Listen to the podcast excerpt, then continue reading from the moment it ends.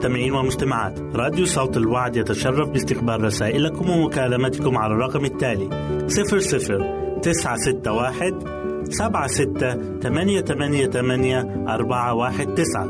نشكركم ونتمنى التواصل معكم. والسلام علينا وعليكم.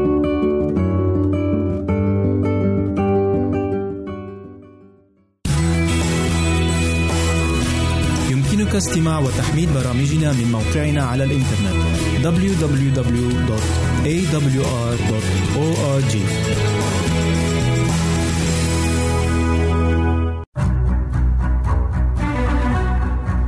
أعزائي المستمعين والمستمعات تتشرف راديو صوت الوعد باستقبال أي مقترحات أو استفسارات عبر البريد الإلكتروني التالي راديو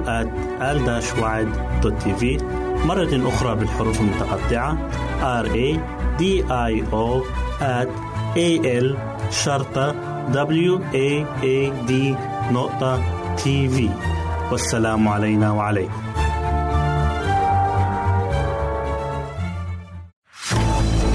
أعزائي المستمعين والمستمعات راديو صوت الوعد لا يكتفي بخدمتكم عبر الموجات الصوتية فقط بل وإنه يطرح لكم موقعا إلكترونيا يمكنكم من خلاله مشاهدة أجمل البرامج الدينية الثقافية الاجتماعية وغيرها من المواضيع الشيقة. يمكنكم زيارة الموقع من خلال العنوان التالي www.al-waad.tv مرة أخرى بالحروف المتقطعة www.al-waad.tv والسلام علينا وعليكم.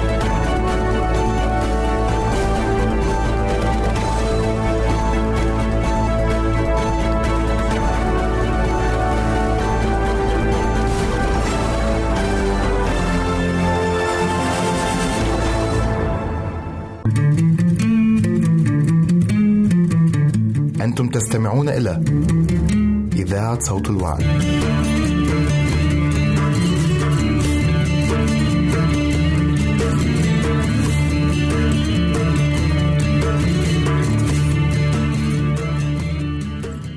أهلا وسهلا بكم مستمعينا الكرام في كل مكان. يسعدني أن أقدم لكم برنامج السراج المنير. تكلمنا في الحلقة السابقة عن الموعظة على الجبل. وفي حلقة اليوم سوف نتكلم عن طوبة من التطويبات وهي المساكين بالروح. قبل ولادة الرب يسوع بعد قرون اجتمع بنو إسرائيل في وادي شكيم. ومن فوق جبلين ومن على جانبيهما كانت تسمع أصوات الكهنة معلنة البركات واللعنات. البركة إذا سمعتم لوصايا الرب إلهكم واللعنة إذ لم تسمعوا. ونجد كل هذه البركات مسجلة في سفر التثنية إصحاح 11 الآيات 27 و 28 وهكذا صار الجبل الذي سمعت من فوقه كلمات البركة معروفا باسم جبل البركة. صعد المسيح إلى الجبل ولما جلس تقدم إليه تلاميذه ففتح فاه وعلمهم قائلا طوبى للمساكين بالروح لأن لهم ملكوت السماوات. وهي تتحدث عن أشخاص غير الذين ظنهم أهل ذلك الزمان أصحاب ملكوت السماوات. فهذه الحجة للتطويب لا يصدقها سامعوه لأنهم يحسبون أن في مقدمة أصحاب السعادة رؤساء الدين من كهنة وكتبة وفرسيين أي الأغنياء في المنصب الديني. لهؤلاء يكون القول الأول والمنفعة الكبرى في الملكوت الزمني المجيد الذي يقيمه المسيح متى جاء. لكن المسيح يرى أن ملكوت السماوات ليس لأولئك بل للمساكين بالروح. لأن المساكين هم الذين يملكون مع المسيح. ونرى المسيح في بشارة لوقا إصحاح 18 والآية 4 يقول الرب مسحني لأبشر المساكين ولهذا خصص تطيبه الأول للمساكين بالروح. فمن هم يا ترى المساكين بالروح؟ هم أولئك الذين أدركوا ضعفهم وأنهم لا شيء بدون الله. فأتوا أمامه بانكسار واتضاع معبرين عن حاجتهم العميقة له واشتياقهم إليه كما تشتاق الإيل إلى جداول المياه. وكما صلى النبي داود للرب قائلا في المزمور 25 والآية 16 التفت إلي وارحمني لإني واحد ومسكين أنا. وكل رجال الله الأتقياء أعلنوا أمام الله مسكنتهم الروحية.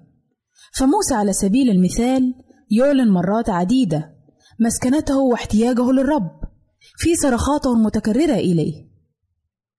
لكن النبي داود يقول في المزمور 37 الآيات من واحد لثلاثة لا تغر من الأشرار ولا تحسد عمال الإثم فإنهم مثل الحشيش سريعا يقطعون ومثل العشب الأخضر يذبلون. لم يكن يشرح يسوع طريق الدخول لهذا الملكوت بل صفات سكانه. ويبدأ بأول صفة لساكني هذا الملكوت وهي صفة المسكنة الروحية. لذا دعاهم الرب المساكين بالروح. وهنا لا يقصد بالمساكين من هم فقراء ماديا أو المتخلفين عقليا. فالمسيح لم يقدم دعوة للتخلف والرجعية وحياة الهوان بل حياة الاتضاع الواعي والقداسة أمامه. وقد حذر الرب في سفر الرؤيا من الإحساس بالاكتفاء والاستغناء. فقال لملاك كنيسة اللادوكيين في سفر الرؤيا إصحاح 3 والآية 16 و 17 هكذا لأنك فاتر ولست باردا ولا حارا. أنا مزمع أن أتقيأك من فمي لأنك تقول إني أنا غني وقد استغنيت ولا حاجة لي إلى شيء ولست تعلم أنك أنت الشقي والبائس وفقير وأعمى وعريان. يعلن الرب بغضته لكبرياء الإنسان وشعوره بالاستغناء عن الله. وهذا ما أعلنه لكنيسة لادوكية وإلى مثل هؤلاء يحذرهم الرب بالقول أنا مزمع أن أتقيأك من فمي. لكن الرب أيضا في مراحمه يفتح لهم باب الرحمة قائلا فكن غيورا وتب. يا ليتنا نشعر بالمسكنة الروحية أي بالتواضع ونعلنها للرب إلهنا. ونأتي إليه ونلتصق به. ونقول له مع موسى النبي إن لم يسر وجهك فلا تصعدنا منها هنا. فحتما يميل أذنيه إلينا ويسمعنا صوته المطمئن. وجهي يسير فأريحك. ما أكثر ما يقدمه الرب لكل شخص آمن بالرب يسوع المسيح. وامتلأ قلبه بالاحتياج لله والانكسار أمامه. ولهؤلاء المساكين يقدم لهم الرب في إنجيل لوقا إصحاح 4 والآية 18 بركات كثيرة. إذ يقول روح الرب علي لأنه مسحني لأبشر المساكين أرسلني لأشفي المنكسر القلوب. يشفي الرب القلوب المنكسرة تحت حمل وثقل الخطية. فالله قادر أن يغفر لنا خطايانا ويطهرنا من كل إثم. لأنه يقول في المزمور 34 والآية 6 هذا المسكين صرخ والرب استمعه ومن كل ضيقاته خلصه. لقد جاءت حنة قبل أن تنجب صموئيل بتواضع أمام الرب وبكت وسكبت قلبها فجاءتها الاستجابة. إذ يقول في سفر صموئيل الأول إصحاح واحد والآية 17 إذهبي بسلام وإله إسرائيل يعطيك سؤلك الذي سألتيه من لدنه. يقول الرب أيضا في سفر أشعياء إصحاح 66 والآية 2 وإلى هذا أنظر إلى المسكين والمنسحق الروح والمرتعد من كلامي. فما أجمل هذا القول؟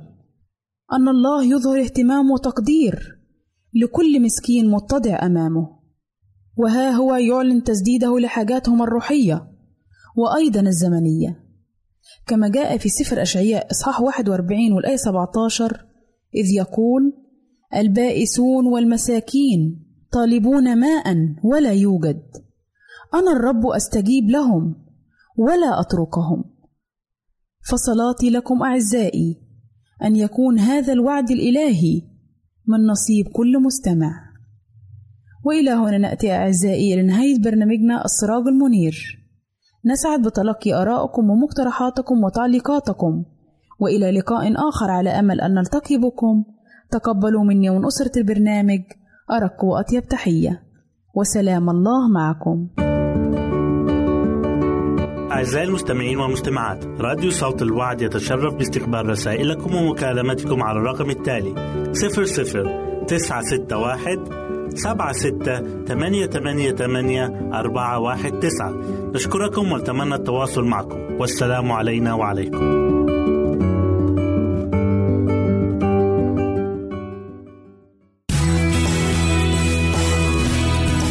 استماع وتحميل برامجنا من موقعنا على الإنترنت www.awr.org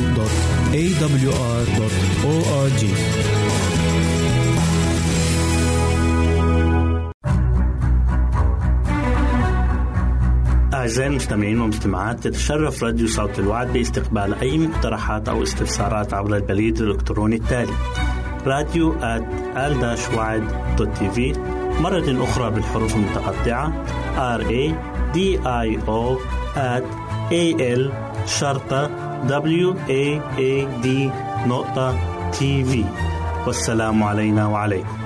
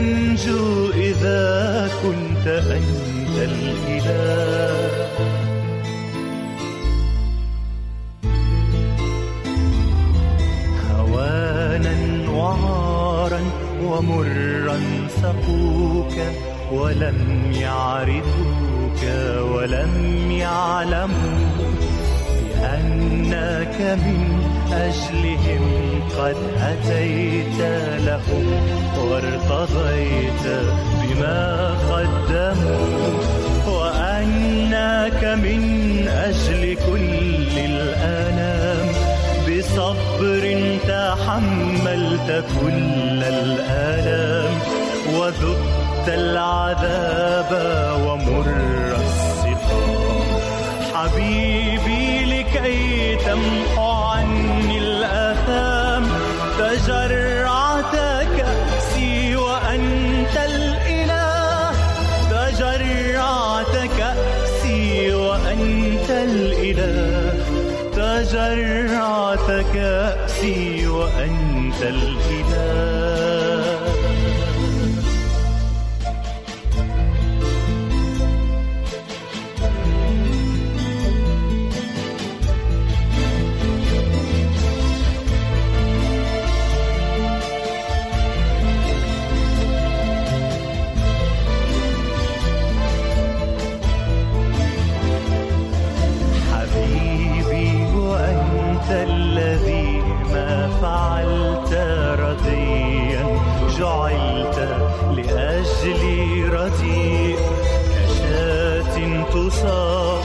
إلى الذبح سرت وكاللص صرت. يا سيدي فيا لي من آثم معتدي. ويا لك من غافر مفتدي. تدق يداه فداء يدي. فماذا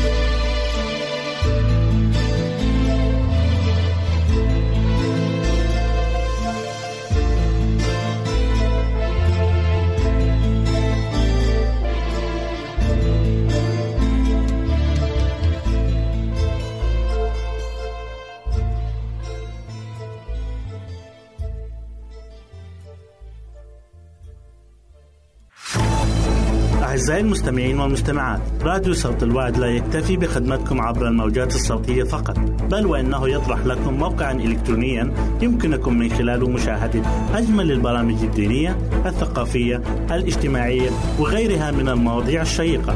يمكنكم زيارة الموقع من خلال العنوان التالي www.al-waad.tv مرة أخرى بالحروف المتقطعة www.al-waad.tv والسلام علينا وعليكم.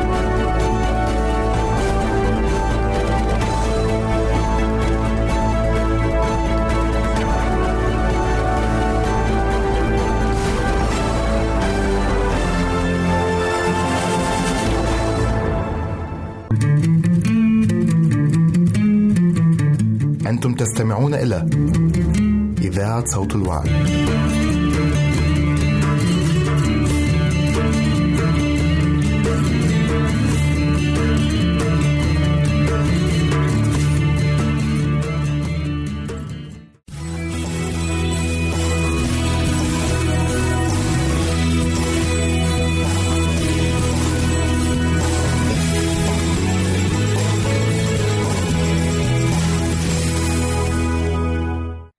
وسهلا بكم مستمعينا الكرام في كل مكان.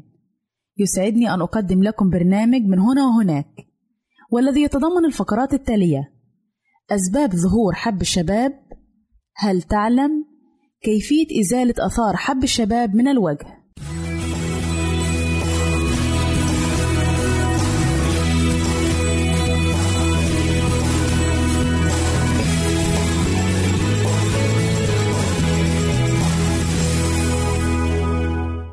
فقراتنا نتكلم فيها عن أسباب ظهور حب الشباب.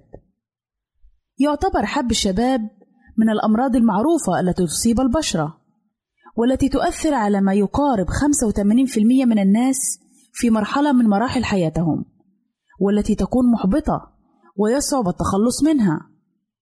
قد يظهر حب الشباب لأسباب عديدة، منها خلايا الجلد الميتة، حيث تلتصق خلايا الجلد الميتة مع الزهم وهذا يؤدي إلى إغلاق مسام الجلد حيث تصبح هذه المسام المغلقة بثورا وحبوبا. وإن كان لديك مشاكل وراثية فسوف يتكرر ظهور حب الشباب. سن المراهقة. حيث يظهر حب الشباب عادة عند الصبيان والفتيات عند وصولهم لسن البلوغ. ويكون ذلك نتيجة تعرض الجسم لتغيرات فيزيائية حيث تصبح الغدد الدهنية حينها مفرطة في نشاطها وستغلق المسامات بالدهون مما يؤدي إلى ظهور الحبوب. وهناك نوع آخر يدعى حب الشباب الهرموني. لا يعني إذا تجاوزت سن المراهقة أن عليك ألا تخافي من إصابتك بحب الشباب.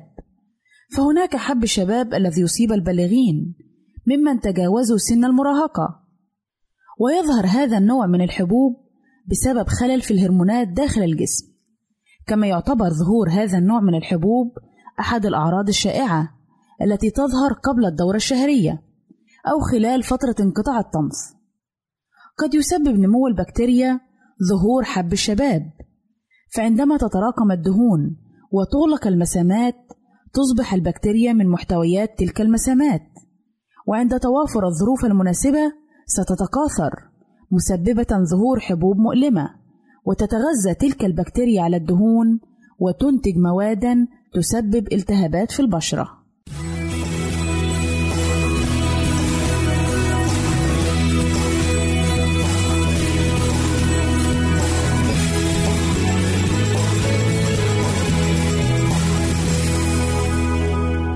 أهلا وسهلا بكم مجددا أعزائي المستمعين إليكم فقرتنا الثانية وهي بعنوان هل تعلم؟ هل تعلم أن عصير الفراولة مادة قابضة طبيعية تقتل البكتيريا المسببة لحب الشباب وتبيض الندوب؟ هل تعلم أن الشوفان مقشر طبيعي لإزالة السموم المسببة لحب الشباب؟ أما عصير الليمون فيقتل البكتيريا المسببة لحب الشباب؟ هل تعلم أن مزج الشوفان مع عصير الليمون والطماطم يعطي نتيجة فعالة في علاج حب الشباب؟ هل تعلم أن زيت شجر الشاي يعالج حب الشباب بشكل فعال؟ كما أنه يقلل الالتهابات التي تساهم في ظهور حب الشباب حيث أنه يخترق الجلد ويفتح المسام المسدودة مما يساعد على عملية الشفاء من حب الشباب؟ هل تعلم أن الكركم يحتوي على مركب الكركمين وهو مضاد للالتهابات ويساعد على التخلص من المشاكل الجلدية ويقلل من الالتهاب كما أنه يعمل كمطهر طبيعي لمكافحة العدوى؟ هل تعلم أن زيت القرفة وزيت الورد وزيت القرنفل يساعد على محاربة حب الشباب؟ وأخيرا هل تعلم أن البابايا تساعد في علاج حب الشباب كما تحتوي على فيتامين A المضاد للأكسدة ولديها إنزيم يعمل على التقليل من الالتهابات تاركة البشرة ناعمة ورقيقة؟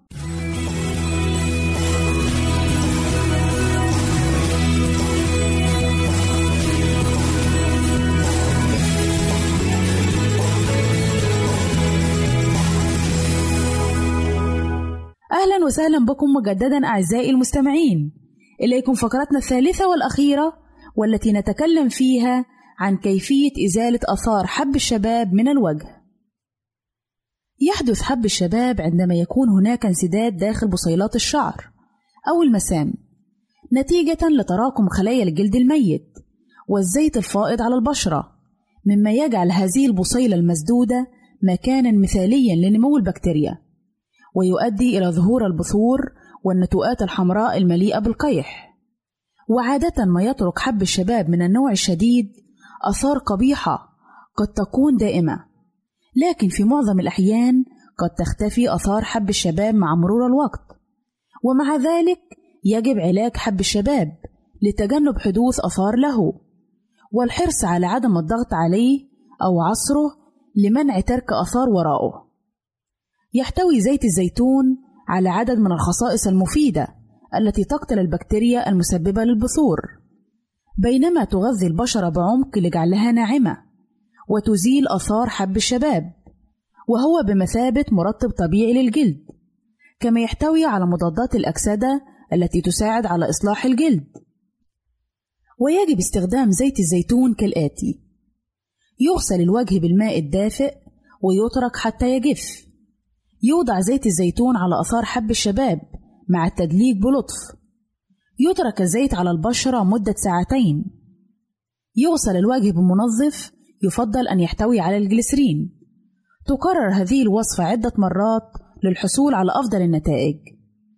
كما أنه يوصى بالحصول على قسط كاف من النوم حيث يقوم الجسم بإصلاح الخلايا وإنتاج الكولاجين بشكل أسرع أثناء النوم. وبالتالي يساعد النوم على شفاء الجسم من آثار حب الشباب.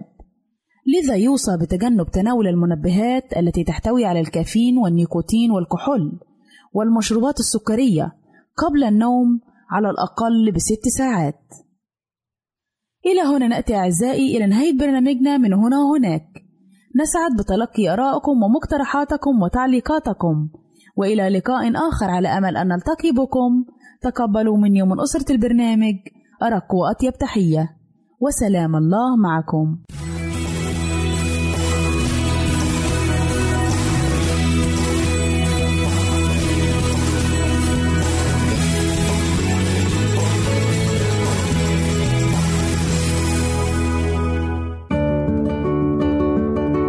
أعزائي المستمعين والمستمعات راديو صوت الوعد يتشرف باستقبال رسائلكم ومكالمتكم على الرقم التالي 00 961 سبعة ستة ثمانية ثمانية ثمانية أربعة واحد تسعة.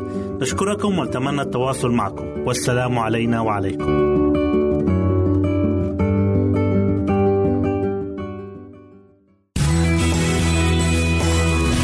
يمكنك استماع وتحميل برامجنا من موقعنا على الإنترنت www.awr.org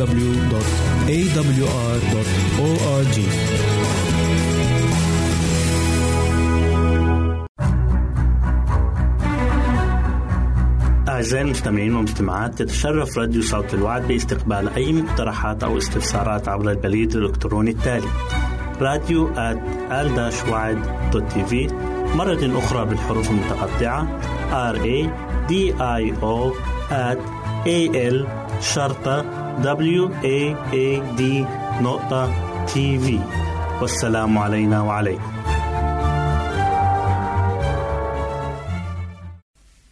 أنتوا ماشيين خلاص.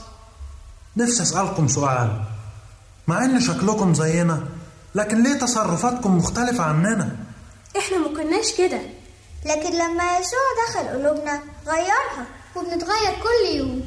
يسوع وحده هو اللي يقدر يغير قلبي وحياتي كلها.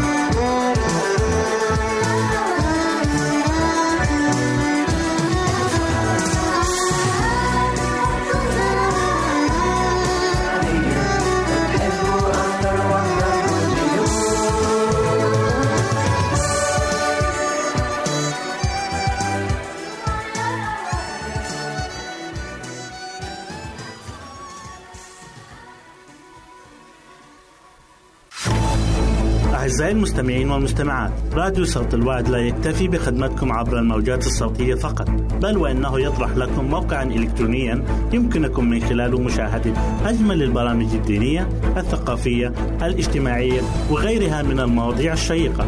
يمكنكم زيارة الموقع من خلال العنوان التالي www.al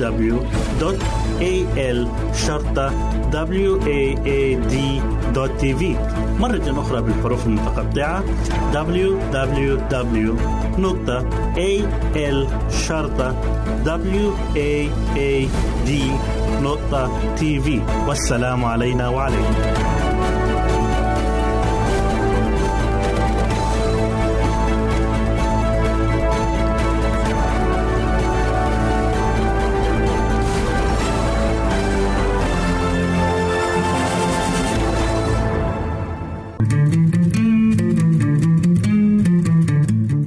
تستمعون إلى إذاعة صوت الوعد.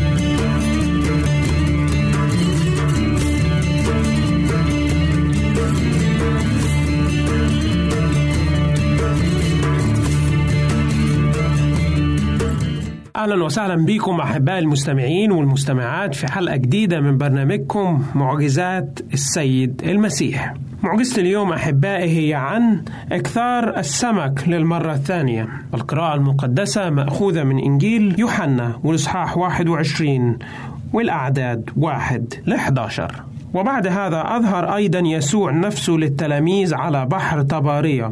ظهر هكذا كان سمعان بطرس وتوما الذي يقال له التوأم ونثائيل الذي من قانا الجليل وابن زبدي واثنان آخران من تلاميذه مع بعضهم. قال لهم سمعان بطرس أنا أذهب لأتصيد قالوا له نذهب نحن أيضا معك. فخرجوا ودخلوا السفينة للوقت. وفي تلك الليلة لم يمسكوا شيئا.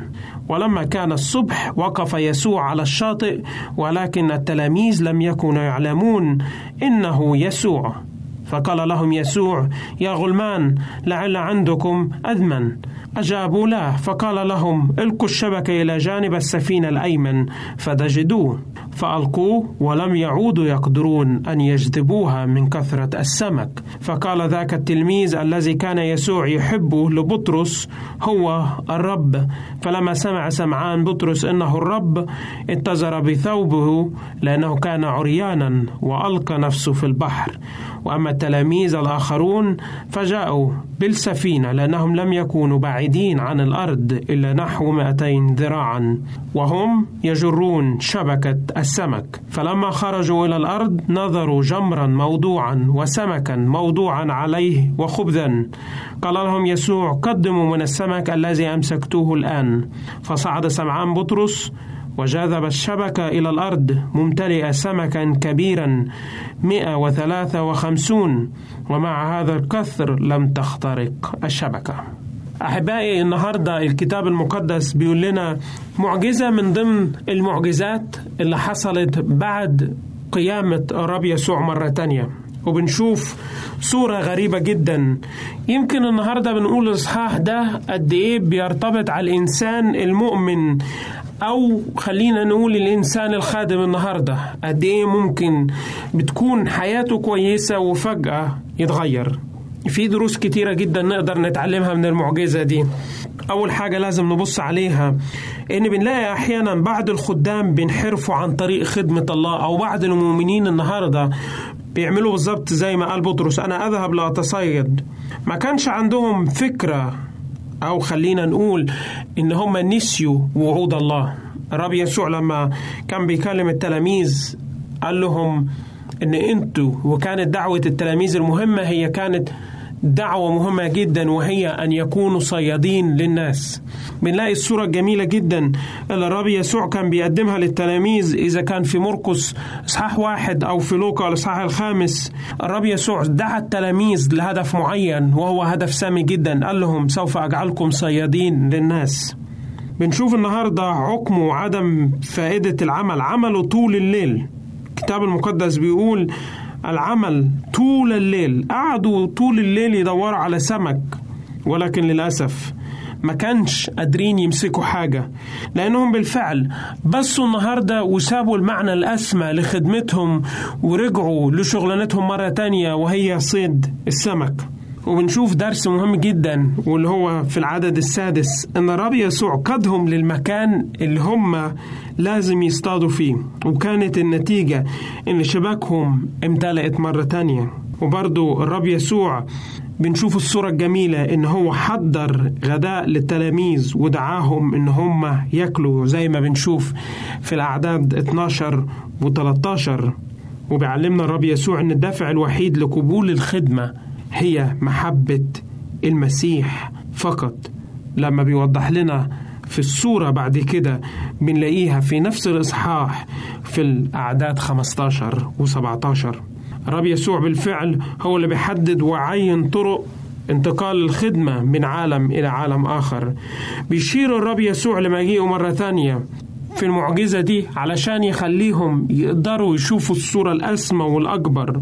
كانوا التلاميذ المفروض يعملوا حاجة مهمة جدا إن هم ما يكونوش على البحر ما يكونوش يرجعوا صيادين مرة تانية بل يكونوا صيادين للناس.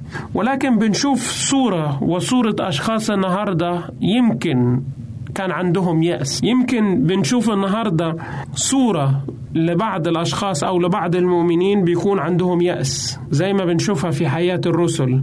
بنشوف مؤمنين بيكون عندهم ضيقة وألم من بعدهم عن الله. الله لم يبعد عن التلاميذ ولكن التلاميذ هم اللي بعدوا. بنشوف الصورة الجميلة دي. بتقول قد إيه الله بيحبنا وقد إيه الله بيهتم بكل واحد فينا. السيد المسيح ما فكرش وقال خلاص طالما هم سابوني يبقى لازم أنا أسيبهم. لا إلى خاصته جاء. وده كان أكبر درس لازم الإنسان يتعلمه إن المسيح جه من أجل خاصته جه من أجلنا كلنا وجه من أجلك وجه من أجلي. جه المسيح النهارده علشان لو رجعنا ولو وقعنا ولو رجعنا لخطايانا مرة تانية المسيح يقدر النهاردة إن هو يرجعنا. بنشوف أكبر صورة النهاردة إن المسيح جه ورجع للتلاميذ وخلاهم يشوفوا معجزة تانية. إن قد إيه هو بيهتم بيهم وبيهتم بحاجاتهم وبيهتم بكل احتياجاتهم. بنشوف الصورة الجميلة جدا. إن قد إيه التلاميذ حاولوا يعيدوا من حياتهم مرة تانية ويعيدوا نفس الأسلوب أو نمط الحياة اللي هم كانوا شغالين فيه ولكن محبة المسيح رجعتهم مرة تانية. بنلاقي إن بطرس النهارده أول ما قال إن أنا رايح أصطاد مشي وراه بعض التلاميذ وراحوا وراه. يمكن النهارده بنلاقي في أشخاص مؤمنين في الكنيسة وارتدوا. يمكن بنلاقي النهارده أشخاص جوه الكنيسة وأحيانا بيتركوا بيسيبوا وبيدينا الصورة الجميلة جدا الكتاب المقدس إن مش حتى أي حد ساب. مش لما إنسان يكون عنده دقيقه النهارده وعايز يسيب الكنيسة أو شخص تاني ساب الكنيسة لازم نعمل زيه. لا. المسيح النهارده عايزنا نعيش حياة ونعيش حياة بالفعل ليها معنى وليها مغزى مهم جدا وهو إن إحنا نتبعه. الصورة اللي بنشوفها النهارده بنشوف إن التلاميذ كان عندهم إحباط شديد جدا. المعلم انصلب. المعلم انصلب وما يعرفوش عنه حاجة. وبعد كده بنلاقي إن هو قام. هل كان المسيح موجود مع التلاميذ؟ لا. أو آه دي حاجة ما بنعرفهاش. ولكن المهم جدا النهارده بنشوف الصورة اللي بيديها لنا الكتاب المقدس إن المسيح رجع لهم مرة تانية. حلو الكلام الكتاب المقدس لما بيقول في هوشع لا تشمتي في عدوتي فإن سقطت فأقوم وإن جلست في الظلمة يكون لي الرب نور. بالفعل المسيح النهارده هو نورنا والإنسان إذا سقط المسيح يقدر ينتشلنا مرة تانية. نشوف الصورة الجميلة اللي الكتاب المقدس بيديها لنا عن معجزة المسيح وعن عمل المسيح. يمكن في بعض الأشخاص والمفسرين بيقولوا إن دي العدد اللي ذكر في الكتاب المقدس كان عدد اللغات المنتشرة في العالم أو عدد الشعوب والقبائل في العالم اللي هتصل إليها الكتاب المقدس. محدش يعرف. ولكن الشيء المهم جدا اللي لازم نفهمه من معجزة النهاردة إن حتى لو بعدنا عن المسيح المسيح بيرجع بالفعل. كيفما يتوه الخروف يذهب الراعي خلفه ليبحث عنه. هكذا فعل المسيح. ذهب وراء خرافه الضالة. ذهب وراء تلاميذه اللي بالفعل أصبحوا في مرحلة معينة في مرحلة الشتات إن هم بعدوا عن الرسالة الأسمى أو الرسالة المهمة وهي بشارة الإنجيل. بالفعل المسيح النهاردة بيرسم قدامنا مشهد مشهد كبير جدا وهو إن المسيح هو أمس واليوم وإلى الأبد. بالفعل كان المسيح بيعتني بتلاميذه قبل موته وحتى بعد موته وفي قيامته وحتى في صعوده. لأنه بالفعل قلبه كان مليان بالشفقة والحنان على التلاميذ التعبانين. كان يعتني بأجسادهم كما بأرواحهم لأنه يعرف قلبتنا يذكر إننا تراب نحن.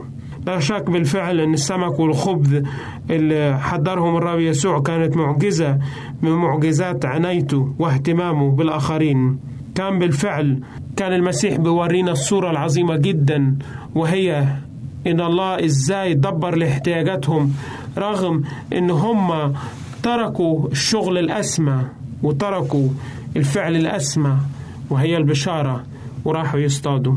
وعلشان كده بنشوف لما جه المنظر العظيم حينما تقابل السيد مع التلاميذ ابتدى يبقى فيه ارتعاد وخوف لأنه علموا وعرفوا إن رب الكون واقف معهم. بالفعل أحباء المستمعين والمستمعات المسيح واقف معاك ومعاكي لا يتركك ولا يهملك أبدا. اقبل المسيح اليوم كفادي ومخلص شخصي في حياتك والله يقدر أن يعينك ويعطيك كل احتياجاتك. سلام الرب لجميعكم وإلى اللقاء. أعزائي المستمعين والمستمعات راديو صوت الوعد يتشرف باستقبال رسائلكم ومكالمتكم على الرقم التالي 00 961 سبعة ستة ثمانية ثمانية ثمانية أربعة واحد تسعة. نشكركم ونتمنى التواصل معكم. والسلام علينا وعليكم.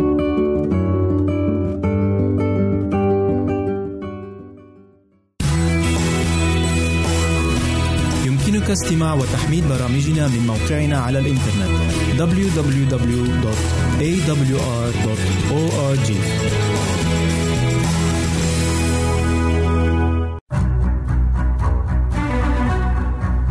أعزائي المستمعين والمستمعات تتشرف راديو صوت الوعد باستقبال أي مقترحات أو استفسارات عبر البريد الإلكتروني التالي راديو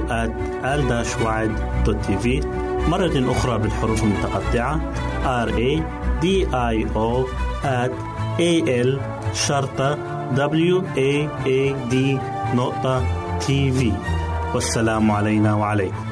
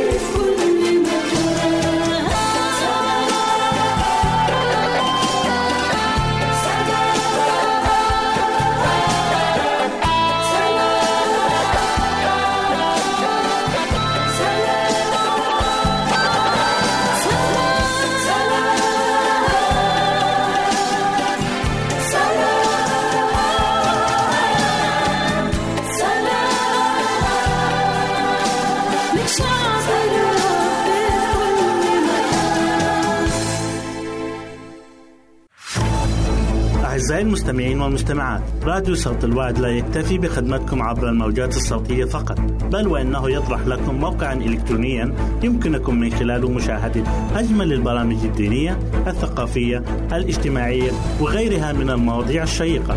يمكنكم زيارة الموقع من خلال العنوان التالي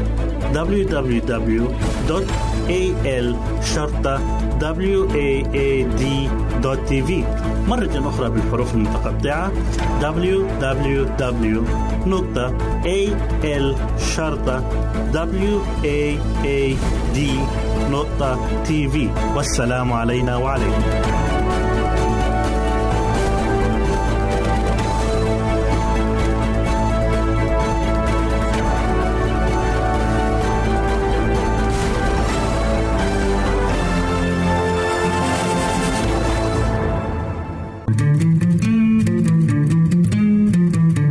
أنتم تستمعون إلى إذاعة صوت الوعد.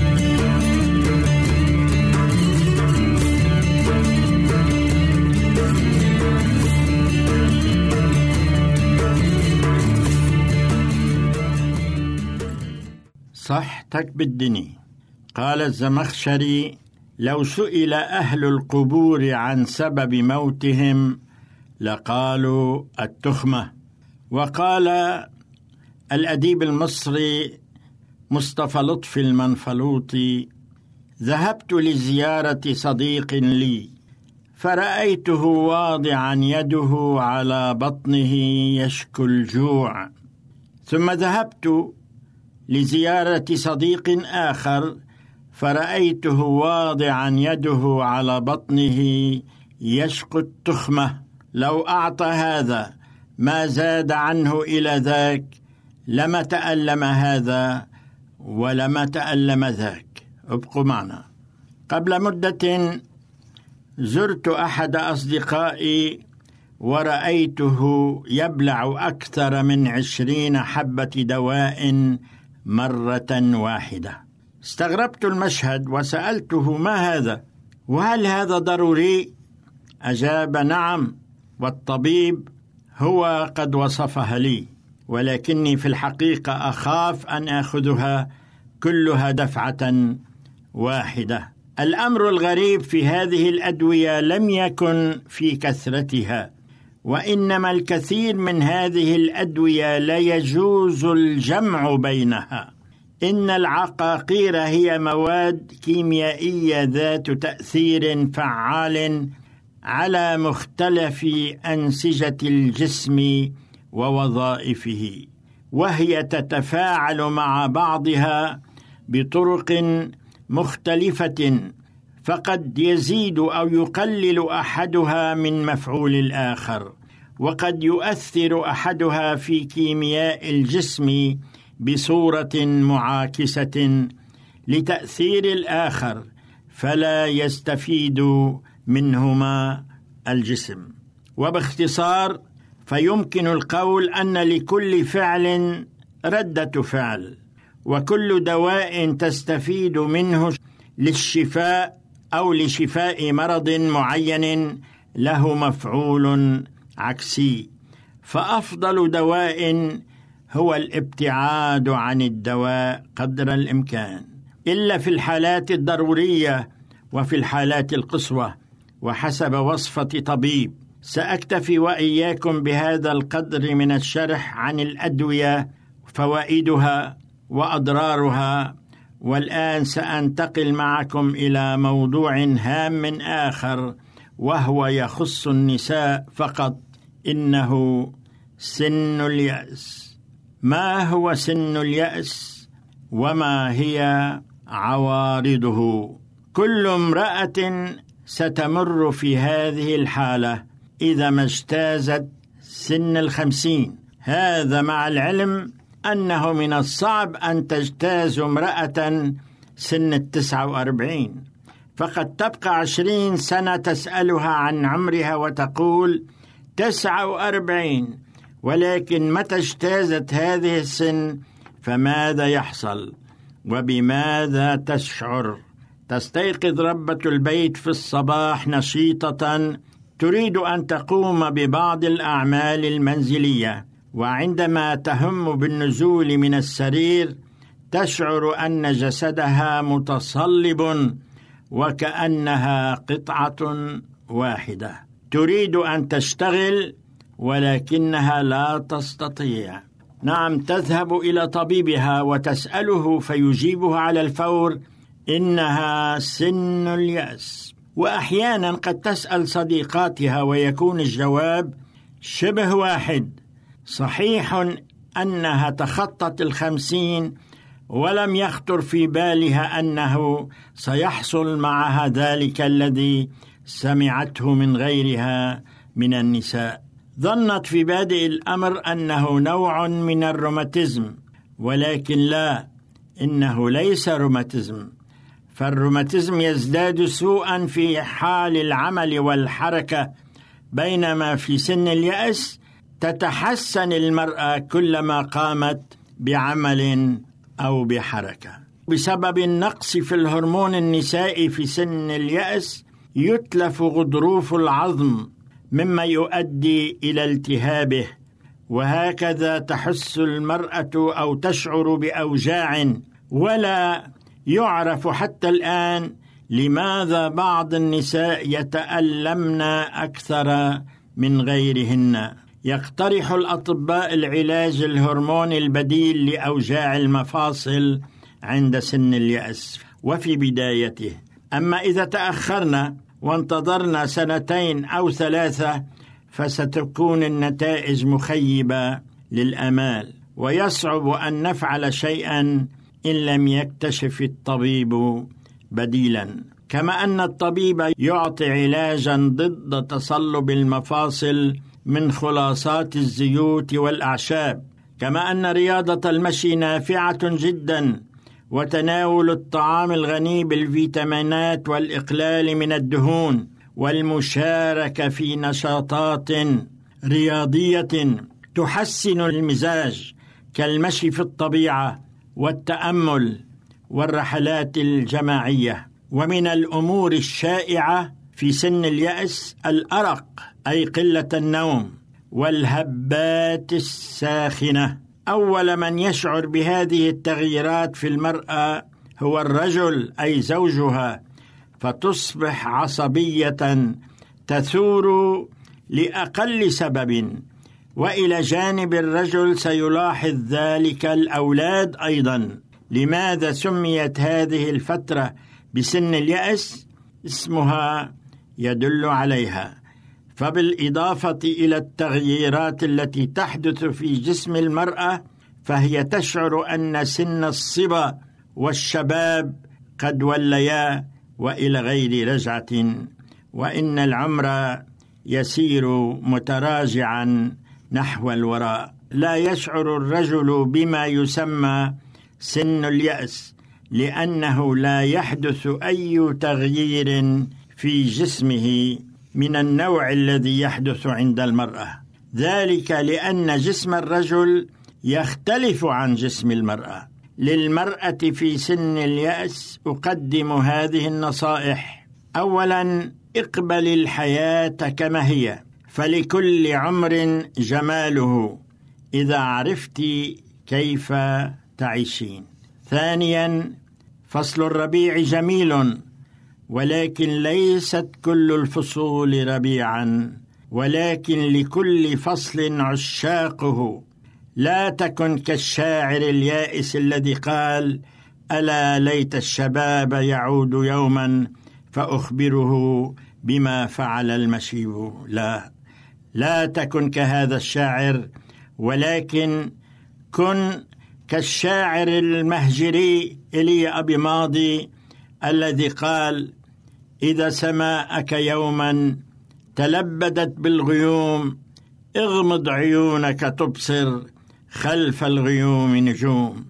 وإن بليت بداء وقيل داء عياء اغمض عيونك تبصر في الداء كل الدواء. ثالثا ابتعدي خلال هذه الفترة من مجالس الحزن واليأس والقنوط. رابعا املئي وقت فراغك بكل ما يسعدك. كان معكم شحاد الحلبي. أعزائي المستمعين والمستمعات راديو صوت الوعد يتشرف باستقبال رسائلكم ومكالمتكم على الرقم التالي 00 961 سبعة ستة ثمانية ثمانية ثمانية أربعة واحد تسعة. نشكركم ونتمنى التواصل معكم. والسلام علينا وعليكم.